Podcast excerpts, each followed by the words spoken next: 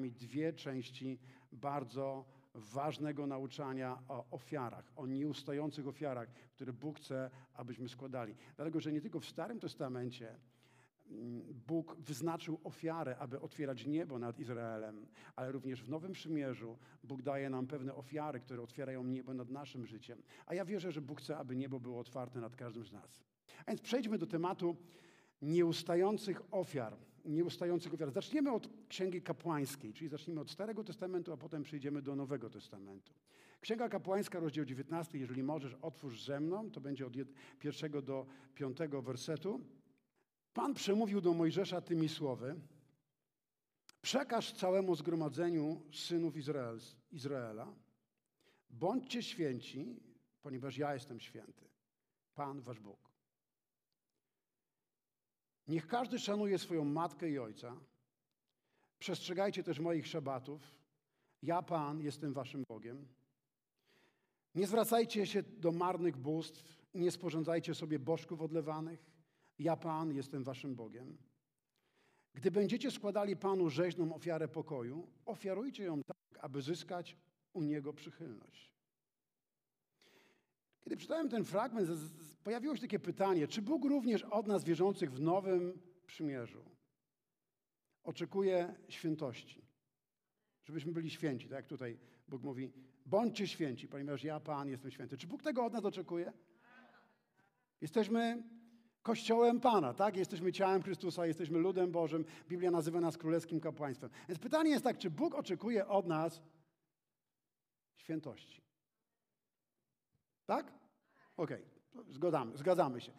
Czy Bóg oczekuje od nas, ludzi wierzących, że każdy będzie szanował swoją matkę i ojca? Tak? Amen. Jesteście pewni. Dobrze. Idziemy dalej. Czy Bóg oczekuje od nas wierzących, że będziemy przestrzegali Bożych szabatów? Inaczej mówiąc, że będziemy mieli taki siódmy dzień odpoczynku, który poświęcimy Panu i uświęcamy Go przez to, że my zgromadzamy się razem, aby Boga uwielbiać i żyjemy w takim zrozumieniu Bożego odpocznienia. Tak czy nie? Okej, okay, czyli wierzycie w to, chociaż niekoniecznie to musi być sobota, ale my mamy niedzielę, Dzień Pański, my czcimy Pana, uwielbiamy, więc zgadzamy się z tym. Okej, okay, w końcu mamy jeszcze jedno, e, co dalej tutaj Bóg mówi. Czy, czy Bóg oczekuje od nas, że nie będziemy zwracali się do marnych bóz i nie będziemy sporządzali sobie odlewanych bożków. Okej, okay, dobra. To teraz w końcu, w końcu dochodzimy do jeszcze jednego pytania. Czy Bóg oczekuje od nas ofiar? Mam na myśli ofiar jako takich. O, bardzo dobrze. Czy Bóg oczekuje od nas rzeźnych ofiar? Zgadzamy się z tym. O, chwała Bogu, że już nie oczekuje od nas rzeźnych ofiar. Nie wiem, czy, czy wy jesteście wdzięczni za to Bogu, że my już nie musimy składać tych rzeźnych ofiar. Wyobraź sobie, że, że teraz musisz przyciągnąć jakiegoś baranka jakiegoś, albo, a najgorzej tą krowę, cielca, czy coś innego, byka, o to już z bykiem to już zupełnie byłby problem. A więc dzięki Bogu, że Bóg od nas nie oczekuje takich ofiar. Ale dlaczego? Dlatego, że krzyż zmienił rodzaj ofiar składanych Bogu, Zgodzicie ze mną, że on zmienił rodzaj ofiar, ale nie zmienił konieczności składania ofiar. On nie zmienił tego, co czyni ofiara w życiu tego, który ją składa. I tego nie zmienił. Okay? Dzisiaj chcę, ja, ja wiem, że to jest taki troszeczkę mm, kontrowersyjny temat w Kościele i niezbyt często się mówi o nieustających ofiarach, ale wierzę, że to coś nam pokaże bardzo ważnego dla Kościoła.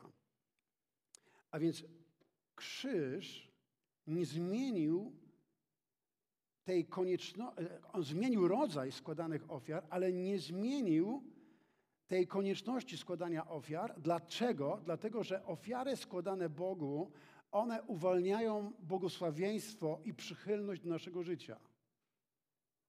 Teraz zobaczcie, tutaj w tym fragmencie jest napisane, gdy będziecie składali Panu rzeźną ofiarę pokoju, to znaczy, że e, nie jak złożycie, ale gdy będziecie składali.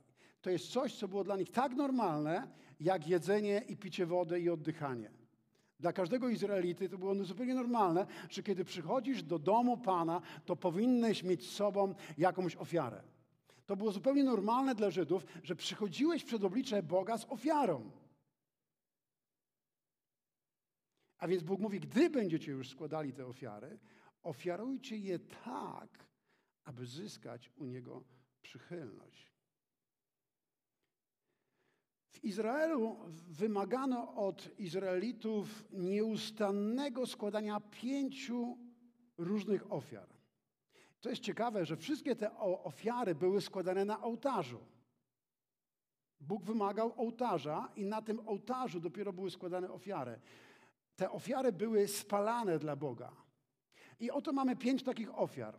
Ofiara całopalna, możecie sobie to notować, bo nie wiem, czy to będzie wyświetlone. Ofiara całopalna, ofiara z pokarmów, ofiara pokoju, ofiara za grzechy, ofiara za przewinienia.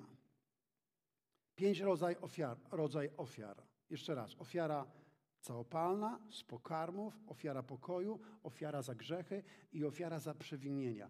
I teraz ciekawe jest to, że że dwie ostatnie ofiary w momencie, kiedy Chrystus umarł na krzyżu, przestały już mieć moc, przestały być wymagane, dlatego że Biblia mówi, i to jest werset, który chciałbym, żebyśmy wyświetlili, Hebrajczyków 10, 12, 14, że Jezus natomiast po złożeniu jednej ofiary za grzechy, za nasze przewinienia, za nasze winy, jednej ofiary, jednej ofiary, ofiary ze swojego życia, on złożył jedną ofiarę, składając samego siebie, swoje ciało i swoją krew przelewając za ciebie i za mnie. I tutaj jest napisane, że tą jedną ofiarę złożył i wtedy na zawsze zasiadł po prawicy Boga. I dalej jest napisane, jedną bowiem ofiarą uczynił na zawsze doskonałymi tych, których uświęca. To jest niesamowite. Wow. Wow, to jest, to jest naprawdę niesamowite, że jedną ofiarą, którą złożył, doskonałą ofiarą ze swojej krwi, on nigdy nie zgrzeszył. Jego był barankiem Bożym. Kiedy go zobaczył po raz pierwszy Jan Chrzciciel, powiedział: Wow, oto baranek Boży, który gładzi grzechy świata. Ojciec w niebie objawiał, objawił mu, że Jezus jest tym barankiem Bożym, który chładzi całkowicie grzechy świata. I jest tu, jest tu napisane, i że on poprzez tą ofiarę uczynił nas doskonałym. Co jest doskonałe w, w Tobie?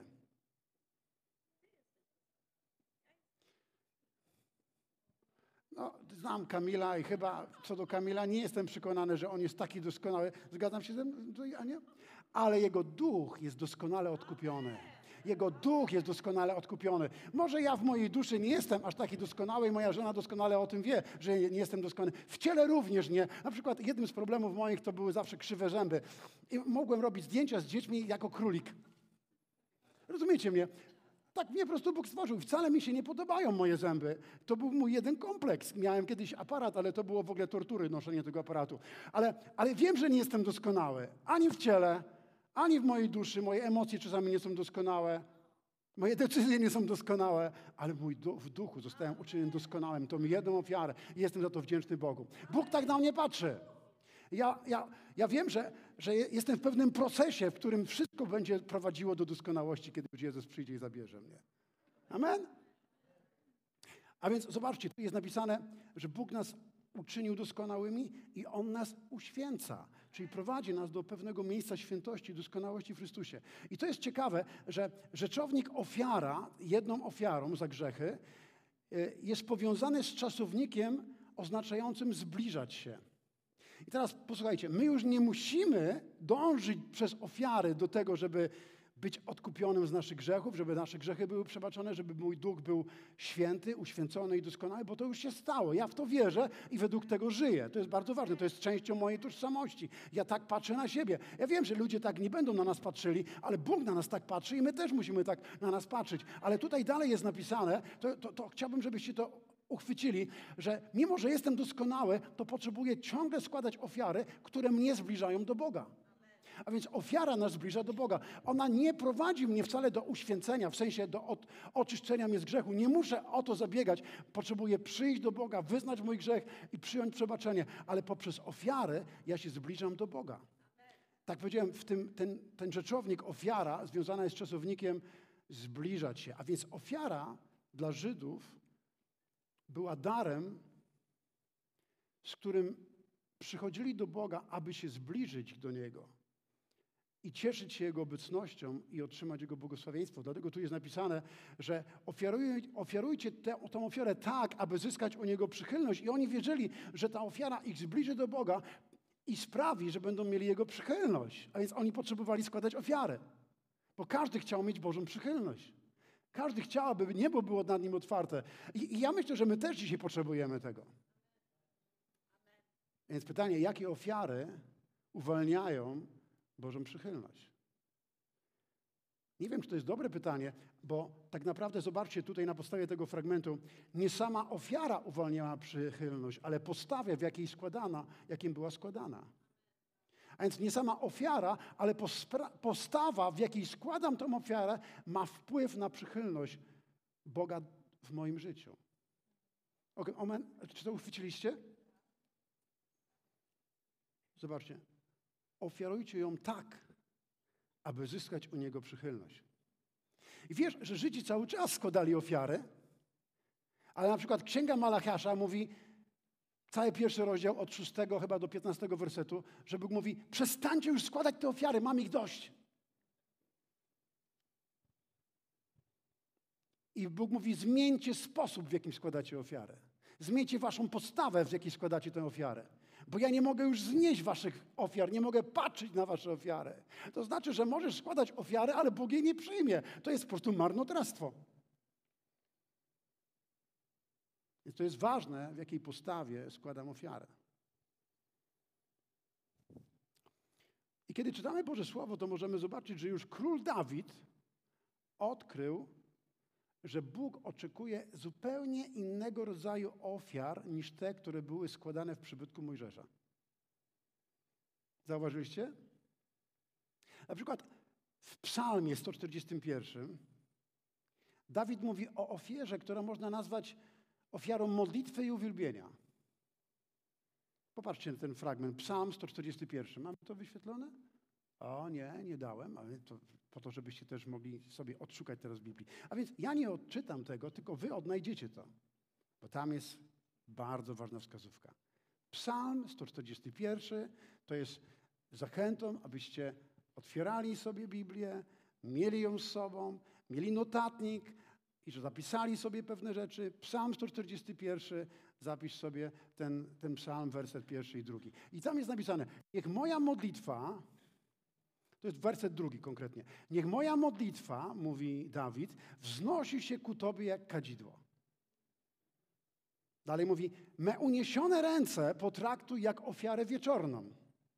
Nie wiem, czy wiecie, że Izraelici mieli obowiązek składać dwie ofiary każdego dnia codziennie składali rocznego baranka rano i rocznego baranka wieczorem. Czyli Dawid mówi: Niech moje podniesione ręce będą jak ten baranek, który jest składany na ofiarę. Moja modlitwa, jak kadzidło, i moje podniesione ręce. W ten sposób nowotestamentowe zrozumienie ofiary. Ja myślę, że to jak patrzył na ofiarę Dawid, było dla Izraelitów zupełnie czymś niezrozumiałym. I nie wiem, czy zauważyliście, że Bóg mówi w jednym z fragmentów, że On w kościele odbuduje upadły przybytek Dawida. Pamiętacie ten, ten fragment? Ja przypuszczam, że chyba dzisiaj nie będę o tym mówił. W drugiej części trochę więcej powiem o Bożej obecności i o przybytku Dawida. Co miało miejsce w przybytku? Jak on wyglądał? Bo Bóg chce teraz odnowić to, co było kiedyś, jako prorocze, by to się wypełniło w Kościele w naszych czasach. A więc będę mówił za tydzień o upadłym przybytku Dawida. Jak go Bóg odbudowuje w Kościele i co ma w nim być, jeżeli ma przyjść Boża obecność, jeżeli ma niebo otworzyć się nad Częstochową, nad Twoim życiem, nad Twoją rodziną, nad Twoim biznesem i nad naszym krajem. Ale to w przyszłym tygodniu. A więc Dawid wierzył, że jego ofiara uwalnia przychylność i błogosławieństwo do jego życia. Dlatego potrzebujemy przyjrzeć się nowotestamentowemu znaczeniu ofiar dla wierzącego. Pomyśl o tym przez chwilę. Jakie znaczenie mają ofiary, ofiary w życiu wierzącego dzisiaj? Ja, ja nie pamiętam, czy kiedyś głosiłem na ten temat. Chyba nawet nigdy nie głosiłem o tym. A więc ja myślę, że to jest bardzo ważne. Jeśli to Bóg nam pokazuje, jeżeli chce, żebyśmy o tym mówili, to jest coś, na co Bóg chce zwrócić Twoją uwagę. I popatrzmy teraz, zacznijmy. Zacznijmy od Księgi Kapłańskiej, to jest trzecia Mojżeszowa, kapłańska, szósty rozdział, werset trzynasty. I tam jest napisane, ogień na ołtarzu będzie płonął stale, nie zgaśnie.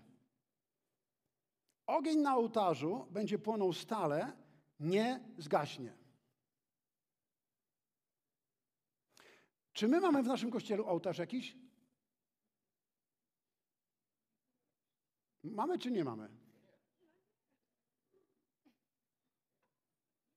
Gdzie on jest? Mamy ekran LEDowy.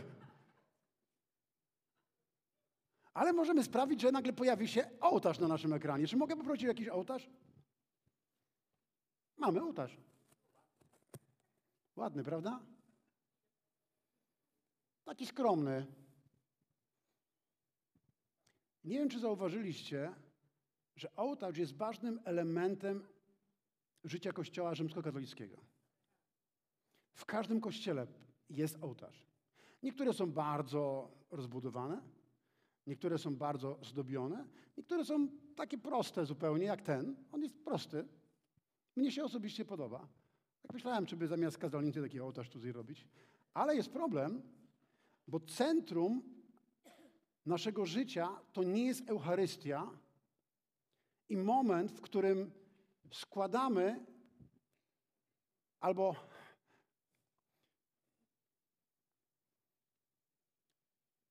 ponownie składamy baranka Bożego na ofiarę za nasze grzechy. Bo przychodzi taki moment, w którym w czasie mszy kapłan mówi: Oto baranek Boży, który gładzi grzechy świata. Tak jest? I teraz to jest to, czym my się różnimy. My wierzymy w to, co mówi Boże Słowo. Jeszcze raz ja to zacytuję. Jezus natomiast po złożeniu jednej ofiary za grzechy na zawsze zasiadł po prawicy Boga. I jedną bowiem ofiarą uczynił na zawsze doskonałymi tych, których uświęca. I po prostu tak mówi Boże Słowo. To, to jest to, co jest w Biblii. Ja tego nie wymyśliłem.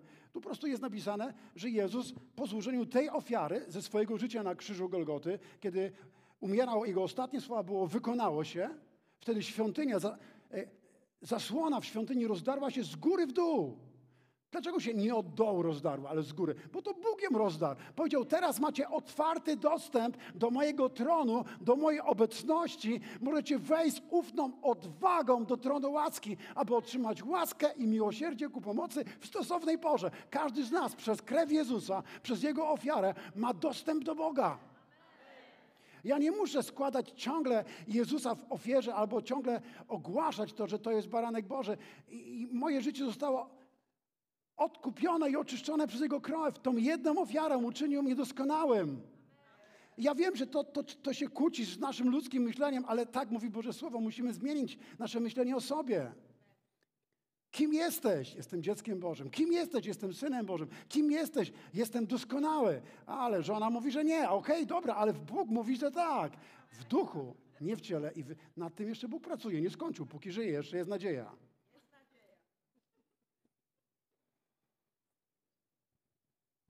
Obróć się do swojego męża i powiedz, mam nadzieję. Albo jest jeszcze nadzieja dla ciebie. O to, to lepiej. Jest jeszcze nadzieja. A teraz obróć się do swojej żony i powiedz, jest jeszcze nadzieja.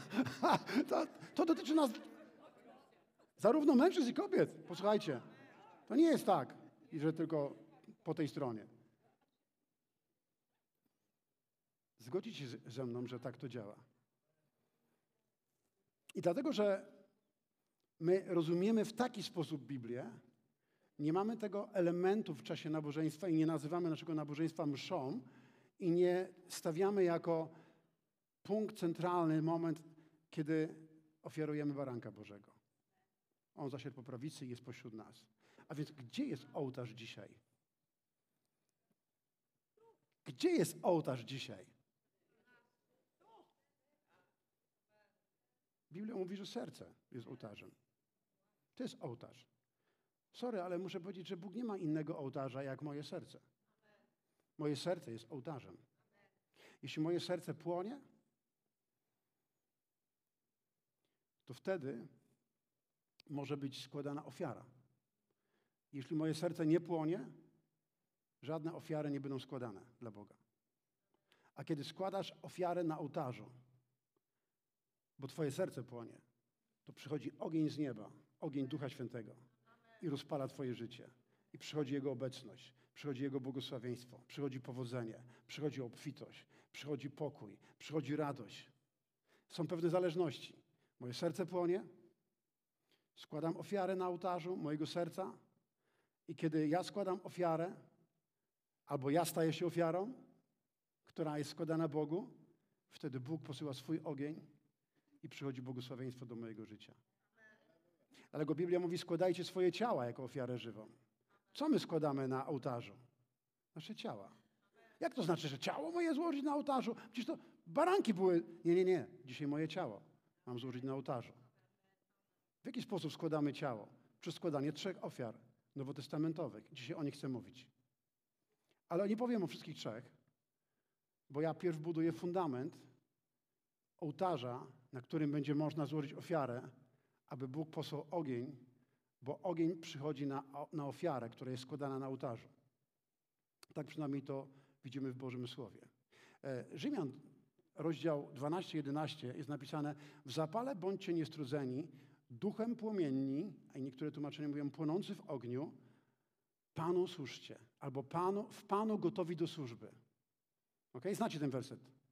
Niektóre, w, Brytyjce to było tak prościej. Jest, tam było napisane w gorliwości, niestrudzeni, płonie, płomienni duchem Panu służcie. Tak było w Biblii Warszawskiej. Pamiętacie, niektórzy z was to jeszcze czytaliście. A więc nie, nieustający ogień, mówimy, że, pamiętacie, zaczęliśmy od tego, że że na ołtarzu Bóg powiedział, będzie nieustannie płonął ogień. Kapłańska 6.13. Ogień na ołtarzu będzie płonął stale, nie zgaśnie. To znaczy, że Bóg mówi, że ogień w Twoim sercu musi płonąć stale i nie może zgasnąć. Paweł mówi, płomienni duchem Panu służcie. Niech ogień będzie w Twoim duchu i w ten sposób służ Panu. Jeżeli jest ogień na ołtarzu, będziesz służył Panu przez swoje ofiary, bo służymy Panu przez ofiary. A więc z czym jest problem w kościele? Problem polega na tym, że nie zawsze ten ogień płonie. Zapalamy się dla Pana, nawracamy się, Bóg coś robi, rozpala nasze serca i po jakimś czasie rzeczy, które są dzieją wokół nas, to co nas otacza, to co przeżywamy, to z kim coś przeżywamy, to wszystko ma wpływ na to, że nasz ogień gaśnie na ołtarzu. Przestajemy płonąć.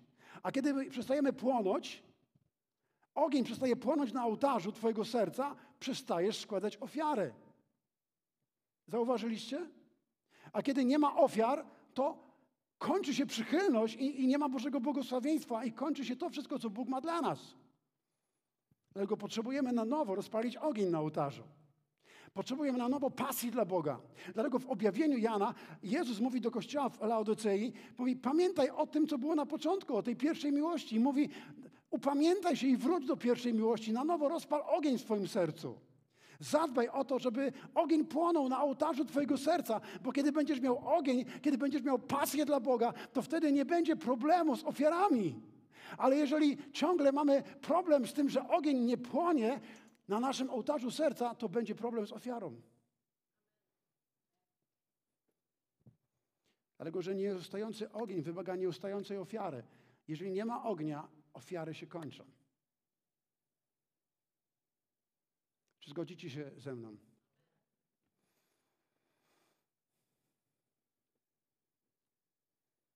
Co przyciąga Boże działanie?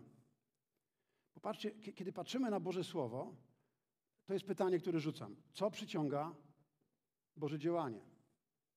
Są kościoły, w których widzimy Boże poruszenia.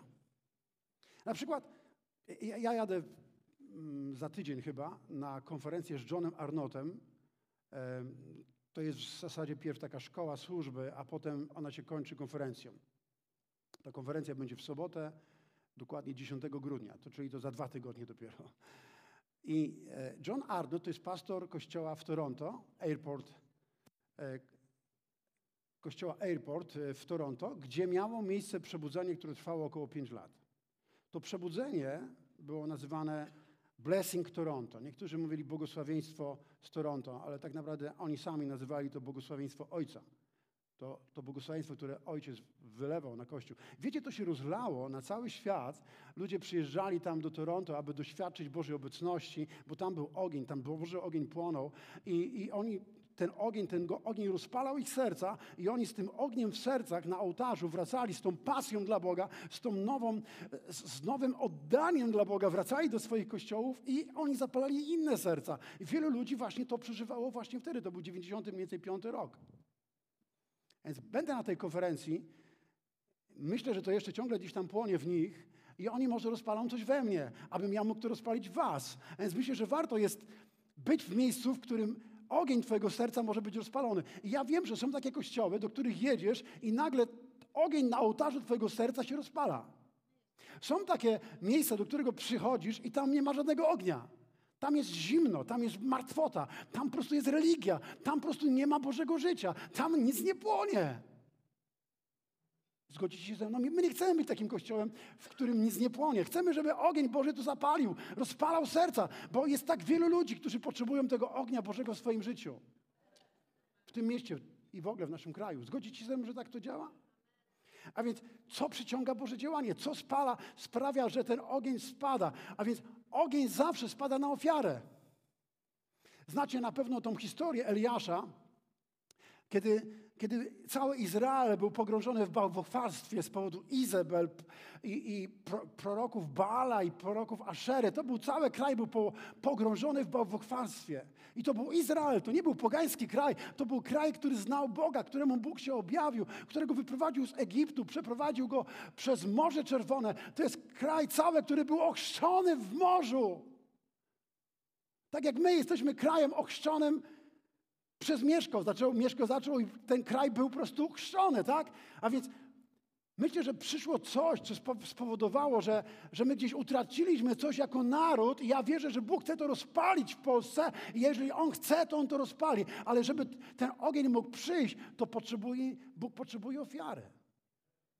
A więc co zrobił Eliasz? Eliasz rzucił wyzwanie prorokom Bala i oni tam zbudowali ołtarz, zrobili tam, położyli tam drwa, dali tam ofiarę, a potem chodzili wokół tego i modlili się, ale było coś nie tak w ich życiu, było coś nie tak w ich postawie, było coś nie tak w życiu e, z Bogiem. Oni tak naprawdę nie mieli żadnej więzi z Bogiem, nie rozumieli, czego Bóg szuka, jak, na jakie ofiary On może posłać swój ogień. A więc pomimo, że spędzili wiele godzin chodząc wokół tego swojego ołtarza i modląc się, ogień nie przyszedł.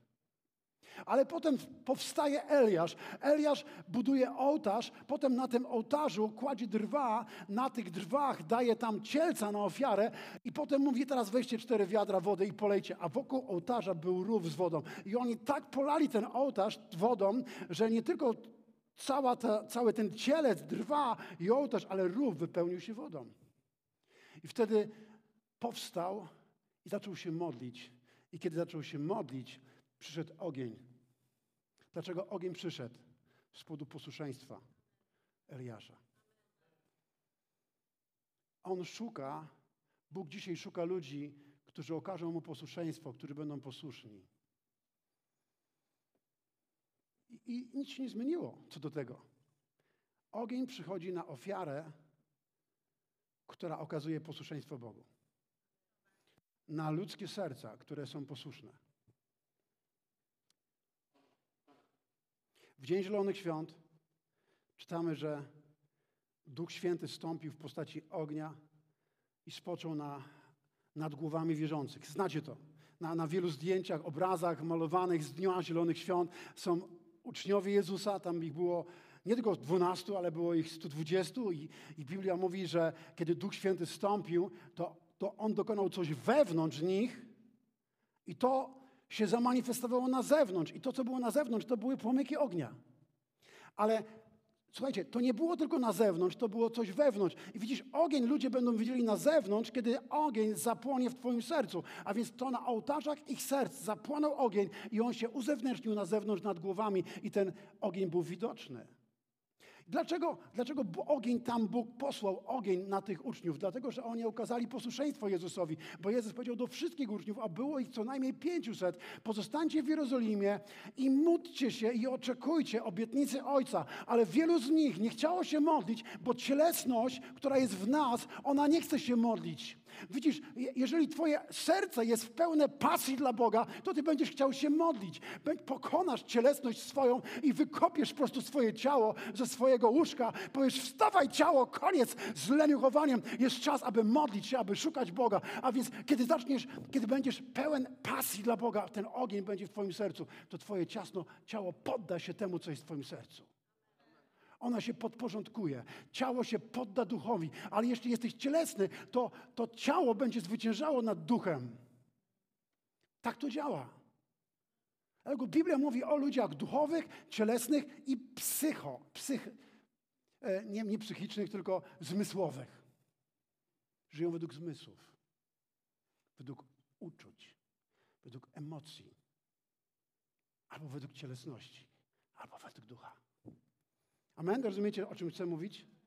A więc kiedy Bóg zobaczył posłusznych wierzących, którzy zdecydowali się modlić przez 10 dni i czekać na Pana, wiecie, oni wcale nie wiedzieli, jak to przyjdzie. Oni mieli zielonego pojęcia, jak ogień przyjdzie. Oni w ogóle nie wiedzieli, w jakiej formie ten ogień się pojawi, ale okazali posłuszeństwo. I Bóg odpowiedział na ich posłuszeństwo i posłał ogień. Amen? To tak działo się. Bóg odpowiada, czyli ogień przychodzi na ofiarę, która jest posłuszna.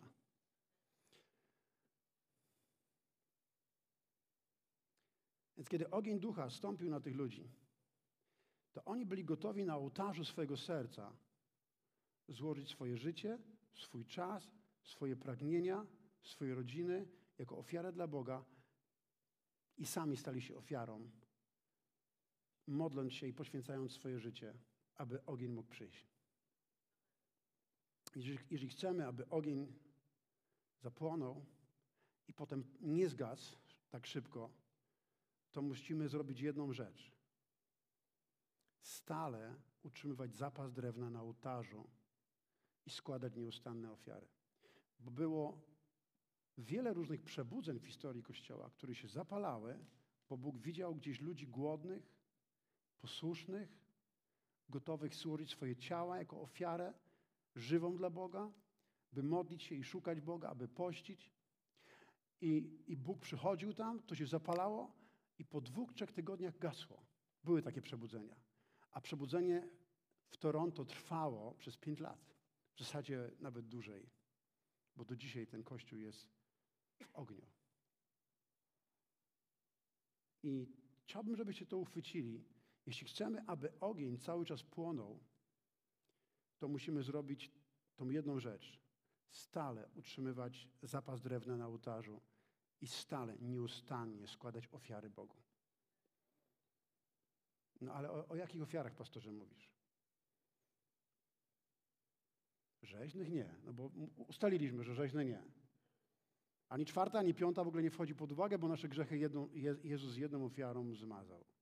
A więc otwórzmy teraz list do Hebrajczyków. Mamy jeszcze parę minut. List do Hebrajczyków. Trzynasty rozdział i, i piąty werset. Jeżeli możemy, otwórzmy. List do Hebrajczyków. Ci, którzy nie mają z sobą Biblii, przeczytajcie to, co jest na, na ekranie. I tutaj czytamy, przez Niego więc, czyli przez Jezusa, nieustannie, powiedzcie ze mną nieustannie, przez Niego nieustannie składamy Bogu ofiarę uwielbienia. W oryginale, w Grece jest tam słowo chwały, ofiarę chwały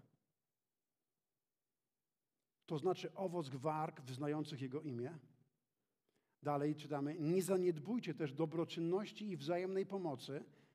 I tu jest słowo koinonias, co oznacza wspólnotę, gdyż takie ofiary podobają się Bogu. Hm. Ciekawe. Tu jest mowa o ofiarach nowotestamentowych i autor tego listu mówi, że takie ofiary podobają się Bogu. A więc jakie ofiary? Ofiara chwały, ofiara dobroczynności i ofiara pomocy wzajemnej albo społeczności. Bo Biblia mówi, wszystkim czyńcie dobrze, a najbardziej domownikom wiarę. Czyli to jest coś, co się dzieje w ramach wspólnoty. To jest społeczność, którą mamy z sobą. Trzy ofiary nowotestamentowe.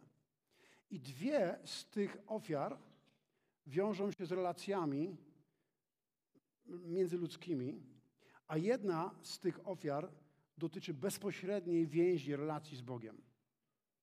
Dobroczynność ma związek z relacją z drugim człowiekiem. Wzajemna pomoc albo koinonias ma związek ze wspólnotą, ze społecznością, czyli z bratem i siostrą. I o tych trzech ofiarach potrzebujemy uczyć się, potrzebujemy je praktykować, potrzebujemy je nieustannie składać, bo kiedy będziemy składali te ofiary, ogień przyjdzie, a jeżeli będziemy trwali, czyli nieustannie składali, to podtrzymamy ogień i on pozostanie w życiu Kościoła. I kiedy patrzę na nasz Kościół, to widzę, jak na początku składaliśmy ofiarę chwały, jak ona miała wpływ na życie naszego Kościoła jak uwalniała Boże namaszczenie. Pamiętam o dobroczynności. Jedną z pierwszych rzeczy, którą zrobiliśmy, to otworzyliśmy Fundację Agape i zaczęliśmy karmić głodnych. Nie wiem, czy którzy z Was pamiętacie. To była jedna z pierwszych rzeczy. To, to już był w drugim roku, czy w trzecim roku naszej działalności. Wynajęliśmy budynek, tam otworzyliśmy hostel dla narkomanów, dla alkoholików, dla, dla ludzi, którzy opuszczają ośrodki, ale również tam mieliśmy stołówkę, gdzie karmiliśmy około 200 osób. E, pamiętam, jak Wiesiu jeździł takim żukiem i on zdobywał zaopatrzenie i tam cały czas karmiliśmy tych ludzi. Przychodziło naprawdę mnóstwo ludzi, otrzymywali dwa dania, otrzymywali pomoc. Wiecie, co teraz zaczęliśmy robić na, na początku tego roku, kiedy wybuchła wojna, wiedzieliśmy, że mamy okazać dobroczynność i kiedy zaczęliśmy okazywać, okazywać miłość i miłosierdzie, dobroczynność po prostu dla tych ludzi, którzy cierpią, to Bóg zaczął zaraz się przyznawać do nas i nam błogosławić.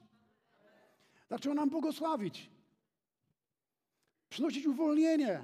Jest coś niesamowitego w dobroczynności, co uwalnia dobroczynność. Nie może tego uwolnić chwała, może to tylko uwolnić dobroczynność. A więc czymś innym jest ofiara chwały, a czymś innym jest ofiara dobroczynności, a jeszcze czymś innym jest ofiara społeczności. Jeżeli nie zobaczymy różnicy między ofiarą dobroczynności, chwały i społeczności, to będziemy się koncentrowali tylko na jednej i zaniedbamy drugie. A Bóg mówi, chcę, abyście nieustannie składali te trzy ofiary, bo mój ogień przychodzi na ofiarę. Amen. Ja się rozkręciłem, a tu już trzeba kończyć, lądować za moment. Dlatego wiedziałem, że nie skończę i zrobiłem sobie jeszcze drugi odcinek. A teraz e, tak bardzo rozgrzałem się, chyba mamy jakieś ogrzewanie w tym kościele. Dobra, dzięki. A teraz zobaczcie takie jedno miejsce. Teraz was trochę e, chciałbym jakby wybić z tropu. Wybić was z tropu. Któregoś dnia Jezus mówi do swoich uczniów: idźcie i starajcie się zrozumieć, co to znaczy. Miłosierdzia chce, a nie ofiary. I ktoś powie, no dobra, ale Jezus nie chce wcale już ofiar. Z drugiej strony Hebrajczyków mówi, że jednak Bóg chce ofiary chwały, że ofiary dobroczynności i chce ofiary społeczności. Dlaczego więc Jezus powiedział, że miłosierdzia chce, a nie ofiary? Dlatego, że miłosierdzie jest, miłosierdzie jest kontekstem dla każdej ofiary. Inaczej, może inaczej. Nie tyle kontekstem, chociaż to jest dobre słowo, miłosierdzie jest klimatem albo pewną atmosferą, w której możemy dopiero składać tę ofiarę. Może inaczej. E, czy jest jakaś tutaj pani, która ma pierścionek z brylantem? No, no macie dziewczyny? Kto, kto, któraś ma? Ja kiedyś dałem, ale taki był mały, żeby go nie byłoby go widać. Czy ma ktoś taki pierścionek z brylantem? Kto ma? Poproszę jednego pierścionka. O, widzisz, o, widzisz, mam nadzieję, że masz większy brylant niż ten, który ja dałem mojej żonie. O, tak, to, to... Jest on tutaj? Osiem. A, to jest osiem! Super. Tylko takie malutkie jak ten mój, e, który ja dałem. O, przepraszam, popra poprawię się teraz, już niedługo będziemy... Nie pamiętasz tej? Ja kupiłem ci pierścionek z brylantem, to ty może go wyrzucił? Wow. Wrócimy. Dobra, a przed nami kolejna rocznica, dzięki Bogu. Okej, okay, dobra. Zwróćcie uwagę. No ja teraz widzę, tak, teraz widzę. To jest ich osiem. Zwróćcie uwagę, że kontekstem, które uwypuklają albo e, sprawiają, że te, że te brylanty tutaj są tak wyeksponowane ładnie i one ładnie wyglądają, jest ta złota obrączka, jest ten złoty pierścionek. I na tym pierścionku dopiero są brylanty. I, I żeby nie zauważyłem, że kobiety noszą brylanty w woreczkach. I przychodzisz gdzieś i pytasz się, ma, otrzymałeś brylanty? Tak, mam tutaj w woreczku. I te, te, te osiem małek tam wyszukujesz. A tutaj to, to, to, są te, o tak, tak, tak. Nie, nie, nie. To zawsze jest w kontekście jakiejś, jakiegoś pierścionka, tak? Złota. Złoto to dobra oprawa dla brylantów, aby można było po prostu je zobaczyć. I one dają, e, dają jakby, uwydatniają piękno tych brylantów. One dopiero się ładnie świecą. Dziękuję, bo ja oddam, bo ja potem zapomnę. E, e, rozumiecie, co, co, co chcę powiedzieć? Pierścionek, złoty pierścionek, jest kontekstem, jest tym, tą, tym, tą otoczką, w której dopiero te brylanty mogą być umiejscowione. I teraz to, co Jezus powiedział, to miłość i wzajemna miłość, miłość braterska, miłość w Kościele jest tym kontekstem, w której dopiero możemy składać ofiarę. A więc Bóg mówi tak, ja miłosierdzia chcę, bo oni się skupiali na ofiarach rzeźnych. Tam wiecie, wtedy nie było innych, w zasadzie to Dawid miał zrozumienie tych ofiar, modlitwy, uwielbienia, chwały i tak dalej, ale Bóg mówi tak, ja chcę przede wszystkim miłosierdzia, a potem im powiedział o innych zupełnie ofiarach. Chwały, dobroczynności i społeczności. I to wszystko musi mieć, jakby dziać się w kontekście miłości w Kościele. I to jest coś, co Bóg chce dokonać pośród nas. I ja wierzę, że Bóg ma przebudzenie dla nas. Ja wierzę, że Bóg chce coś zrobić w Częstochowie. Ale On nie może zrobić tego tam, dopóki czegoś nie dokona tu.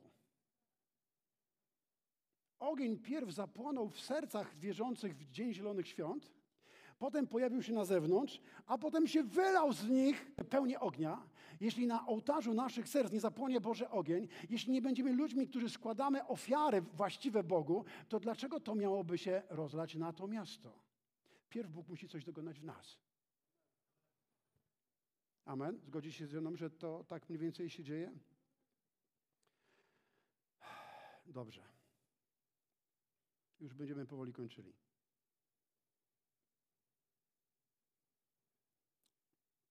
Król Dawid kiedyś powiedział: Nie chcę składać Bogu ofiar, które mnie nic nie kosztują. Pamiętacie ten werset, gdzie Dawid mówi, że on chciał kupić to, to było to klepisko, na którym miał powstać ołtarz. Bo na początku Dawid, i o tym będę mówił za tydzień, on rozpiął tylko namiot nad skrzynią przymierza. I, I ten namiot nad skrzynią przymierza był przybytkiem, w którym miała miejsce ofiara uwielbienia i chwały. Do tego stopnia był zakręcony na punkcie objawienia, które otrzymał od Boga, że tam nie było w ogóle rzeźnych ofiar. W przybytku Dawida nie składano rzeźnych ofiar. W przybytku Dawida było uwielbienie 24 godziny na dobę. Modlitwa i uwielbienie. Tylko to. I to było to dokładnie, co zrobił Dawid. I Bóg mówi, teraz w Kościele chcę odbudować upadły przybytek Dawida. Chcę, aby to na nowo zostało uwolnione. Ja bardzo się cieszę, że Robert dołączył do nas.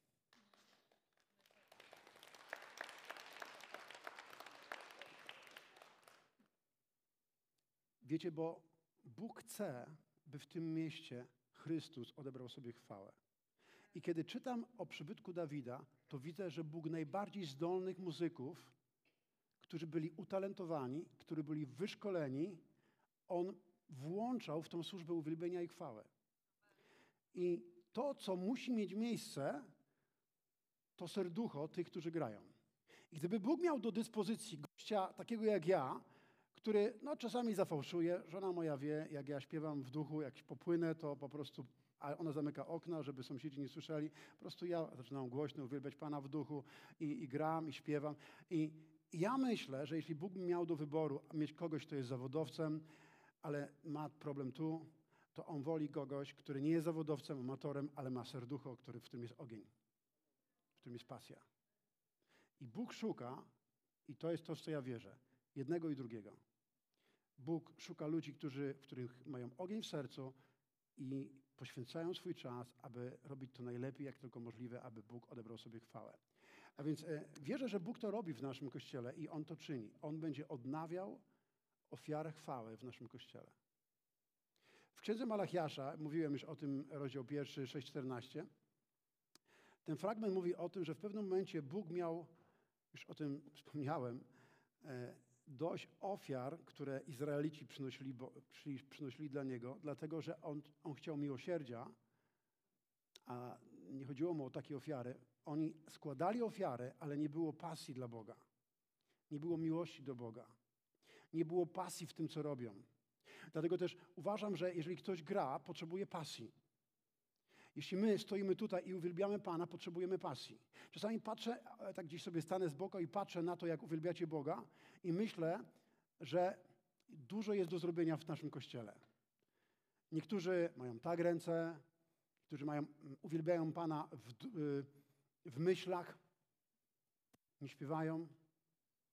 Ale powiem Ci tak, kiedy ogień przychodzi, to on sprawia, że ręce pff, wyrywają się że usta się otwierają. Nie możesz, kiedy masz ogień, nie możesz tego zatrzymać. Twoje usta krzyczą, Twoje usta uwielbiają. Ale pamiętacie, kiedy, kiedy ogień stąpił na, w Dniu Zielonych Świąt na tych uczniów Jezusa, to oni zaczęli ogłaszać wielkie dzieła Boże, oni zaczęli prorokować, oni mówili w innych językach i, oni, i wszyscy, którzy tam byli, mogli słyszeć, jak oni ogłaszają wielkie dzieła Boże. Kiedy ogień jest w Twoim sercu, to zaczynasz ogłaszać wielkie dzieła Boże.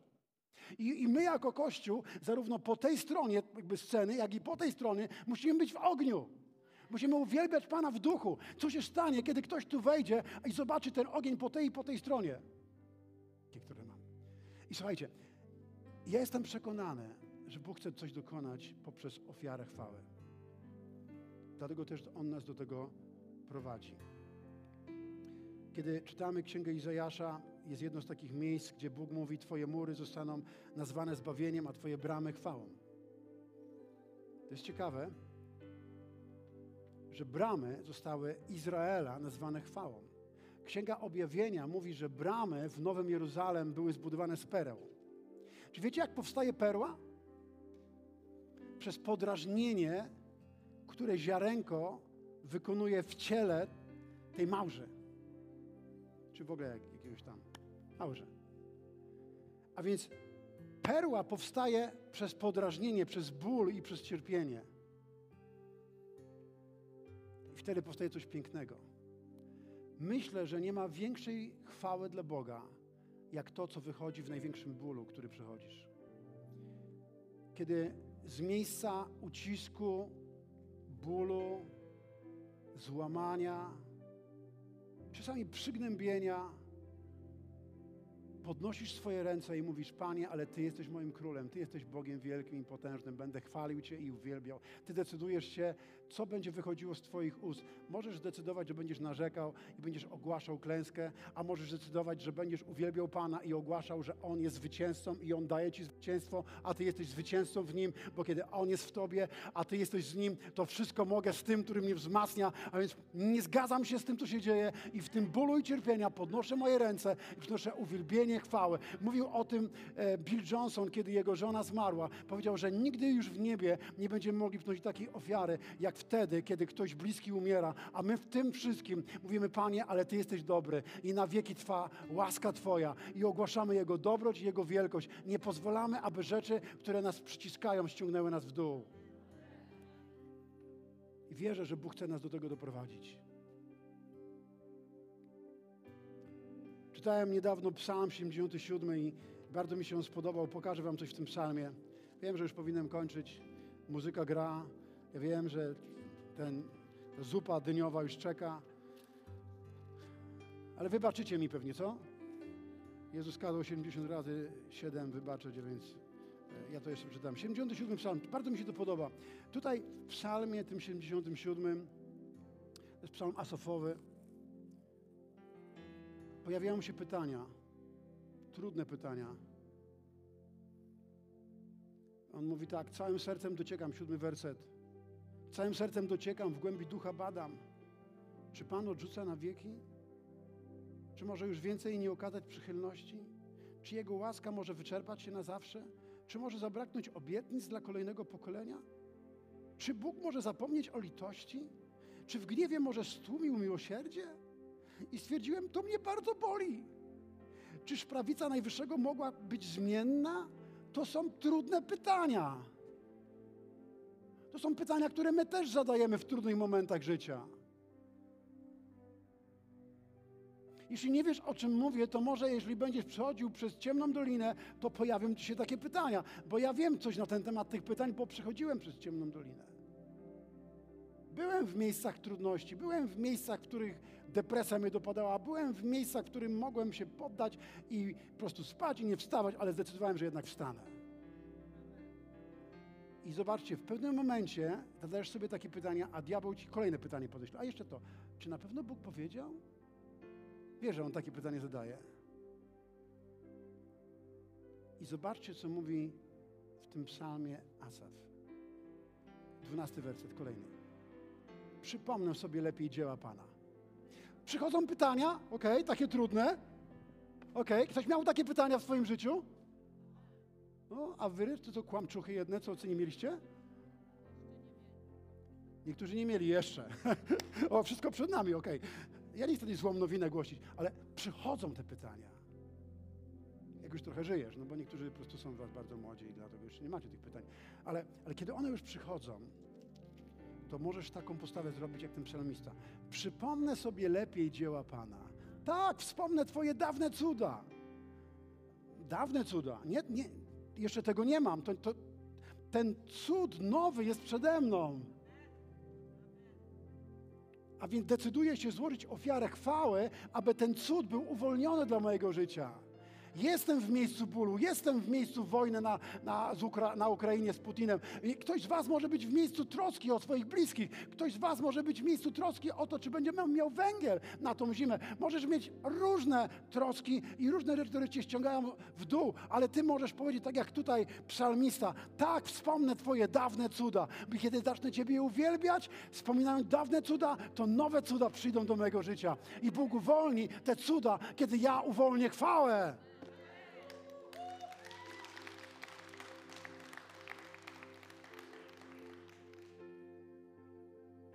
Zagłębiłem się więc we wszystko, czego dokonałeś i zacząłem rozważać Twoje czyny. Boże, wszystko, co robisz, jest święte. Który Bóg jest tak wielki jak nasz Bóg? Jesteś Bogiem, który czyni cuda. Całym ludom dałeś poznać swoją moc. Silnym ramieniem odkupiłeś swój lud, synów Jakuba i Józefa. Zobaczcie, on mógł się skupić na pytaniach, ale skupił swoje myśli i swoje serce na Bogu chwałę i Bogu cudów i zaczął mu przynosić chwała za dawne cuda, aby mógł oglądać nowe cuda.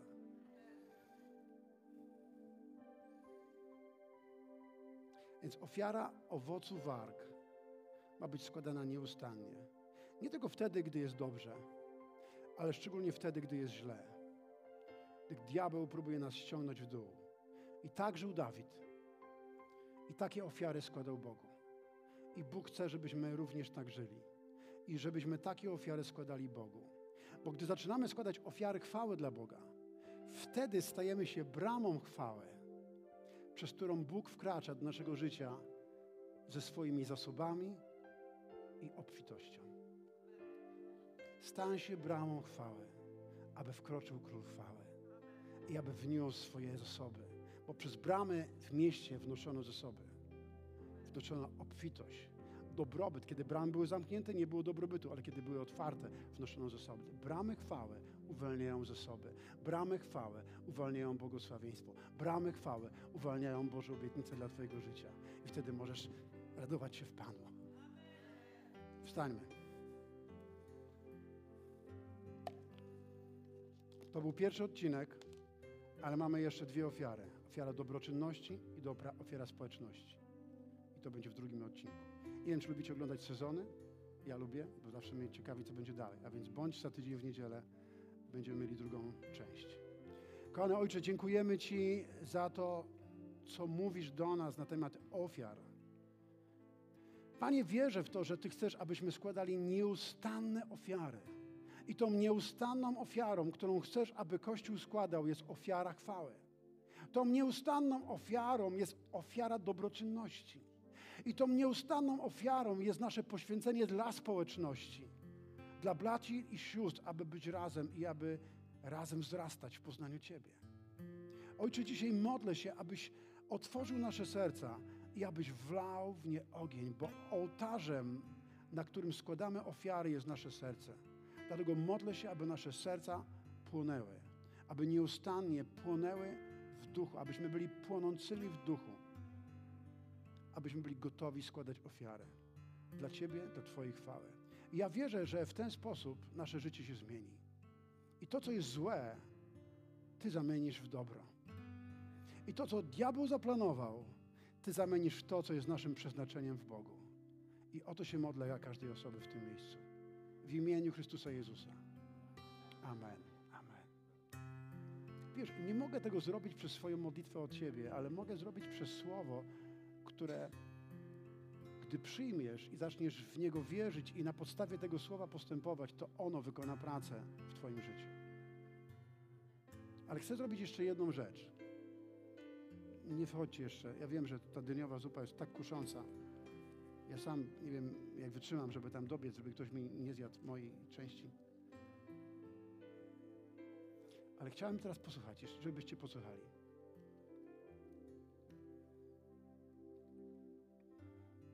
Jezus Chrystus stał się barankiem Bożym.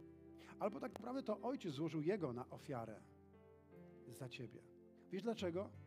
Bo chciał mieć relację z Tobą, z każdym z nas. I On wiedział, że nasz grzech oddziela nas od Niego. I że On chce Cię błogosławić, ale nie może z powodu naszych grzechów. Bo grzechy nas oddzielają od Boga. Dlatego posłał swego Syna jako baranka Bożego, który zgładził już nasze grzechy. A nie zgładzi, ale już to zrobił. I On teraz zaprasza Cię. Możesz wejść w relację z Nim przez Chrystusa. Możesz Go przyjąć i skorzystać z tej ofiary. I zaprosić Jezusa do swojego serca i przyjąć przebaczenie. Jeżeli to zrobisz, Ojciec przyjdzie do Twojego życia, aby błogosławić Twoje życie. A wtedy dopiero będziesz mógł składać te różne ofiary, o których mówiliśmy. Jeżeli ktoś z Was dzisiaj chciałby to zrobić, może jesteś pierwszy raz, może któryś już raz jesteś na naszym spotkaniu, to chcę Ci powiedzieć, że to jest ten ołtarz, który niewidzialny w naszym Kościele, na którym Ty możesz złożyć swoje życie Bogu, aby On przyszedł do Twojego życia.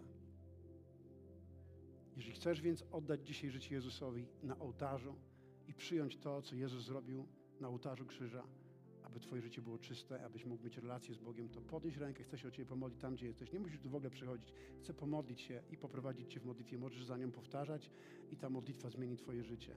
Czy jest ktoś, kto chce dzisiaj przyjąć Jezusa jako Zbawiciela i Pana? Czy ktoś dzisiaj jest gotowy złożyć swoje ciało na ołtarzu dla Pana? Czy jest ktoś? Tam jest ktoś? Jeszcze, jeszcze jest jakaś osoba? Jeszcze jest ktoś? Czy jeszcze jest ktoś, kto tego nie zrobił? Ja wiem, że zazwyczaj przychodzą tutaj ludzie, którzy już to zrobili, ale może też do nas coś dołączyć, oglądasz nas przez, przez internet i chciałbyś to uczynić dla siebie. Powtarzaj za mną słowa tej modlitwy. Ojcze w niebie i ta osoba, która też podniosła rękę, niech też to zrobi. Módl się ze mną. Ojcze w niebie, dziękuję, że mnie kochasz, że posłałeś swojego Syna. Dziękuję Jezu, że umarłeś na krzyżu za mnie. Stałeś się doskonałym barankiem Bożym stałeś się ofiarą od Boga, aby mi przebaczyć, aby mnie pojednać z, z Ojcem. Dzisiaj przyjmuję Ciebie jako swojego Zbawiciela. Przyjmuję Twoją ofiarę. Przez wiarę przyjmuję przebaczenie. I przez wiarę przyjmuję Ciebie jako Króla. Oddaję Ci moje życie. Wierzę w sercu, że mi przebaczyłeś moje grzechy i wyznaję Cię moim Panem i moim Zbawicielem.